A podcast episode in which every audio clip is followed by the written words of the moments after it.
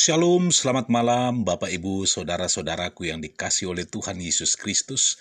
Kembali kita bertemu di Renungan Malam pada hari ini, Rabu 23 September 2020. Dan tema kita pada malam hari ini berbicara, Hormatilah Tuhan. Sebab engkaulah ya Tuhan yang maha tinggi di atas seluruh bumi.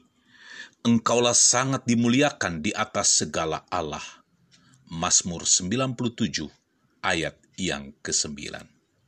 Ibu bapa saudara-saudaraku yang dikasihi oleh Tuhan, ketaatan adalah hak mutlak yang Tuhan tuntut dari kehidupan kita orang-orang percaya.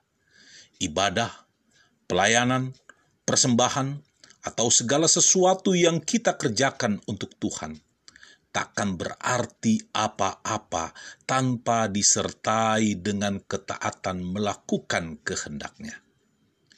Karena itu, kita diingatkan untuk menjaga langkah saat berjalan ke rumah Tuhan. Pengkhotbah 4 ayat yang ke-17. Menjaga langkah berarti datang kepada Tuhan dengan tidak sembarangan, tapi harus disertai rasa takut dan hormat akan Dia. Keagungan dan semarak ada di hadapannya, kekuatan dan kehormatan ada di tempat maha kudusnya. Mazmur 96 ayat yang ke-6. Ibu bapak saudara-saudaraku yang dikasihi oleh Tuhan, banyak anak Tuhan tak mengalami berkat-berkat Tuhan oleh karena mereka sudah kehilangan rasa hormat kepada Tuhan sudah mulai kehilangan rasa hormat kepada Tuhan. Mereka datang beribadah bukan karena kerinduan yang besar untuk bertemu Tuhan secara pribadi, tapi hanya sebagai rutinitas atau kegiatan agamawi saja. Ketika kita tidak lagi memiliki rasa hormat kepada Tuhan, berkatnya akan terhalang untuk kita. Milikilah sikap hati yang benar saat menghadap Tuhan. Jangan datang kepada Tuhan dengan sikap hati yang tidak beres.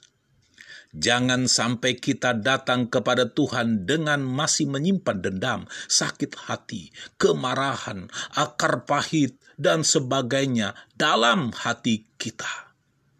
Bila hati kita belum beres, kita takkan bisa memuji dan menyembah Tuhan dengan sepenuh hati.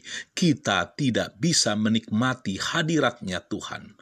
Maka sebelum beribadah kepada Tuhan, alangkah baiknya jika kita menyiapkan seluruh keberadaan hidup kita terlebih dahulu supaya ibadah kita benar-benar menjadi persembahan yang hidup, yang kudus dan yang berkenan kepada Tuhan.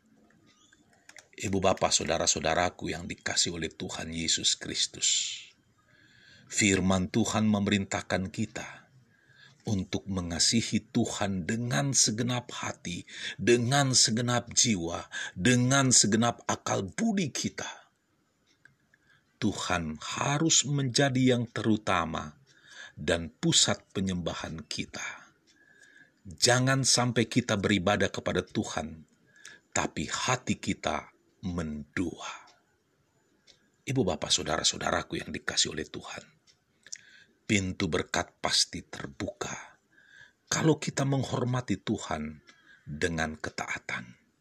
Selamat malam, selamat istirahat, shalom, Tuhan memberkati.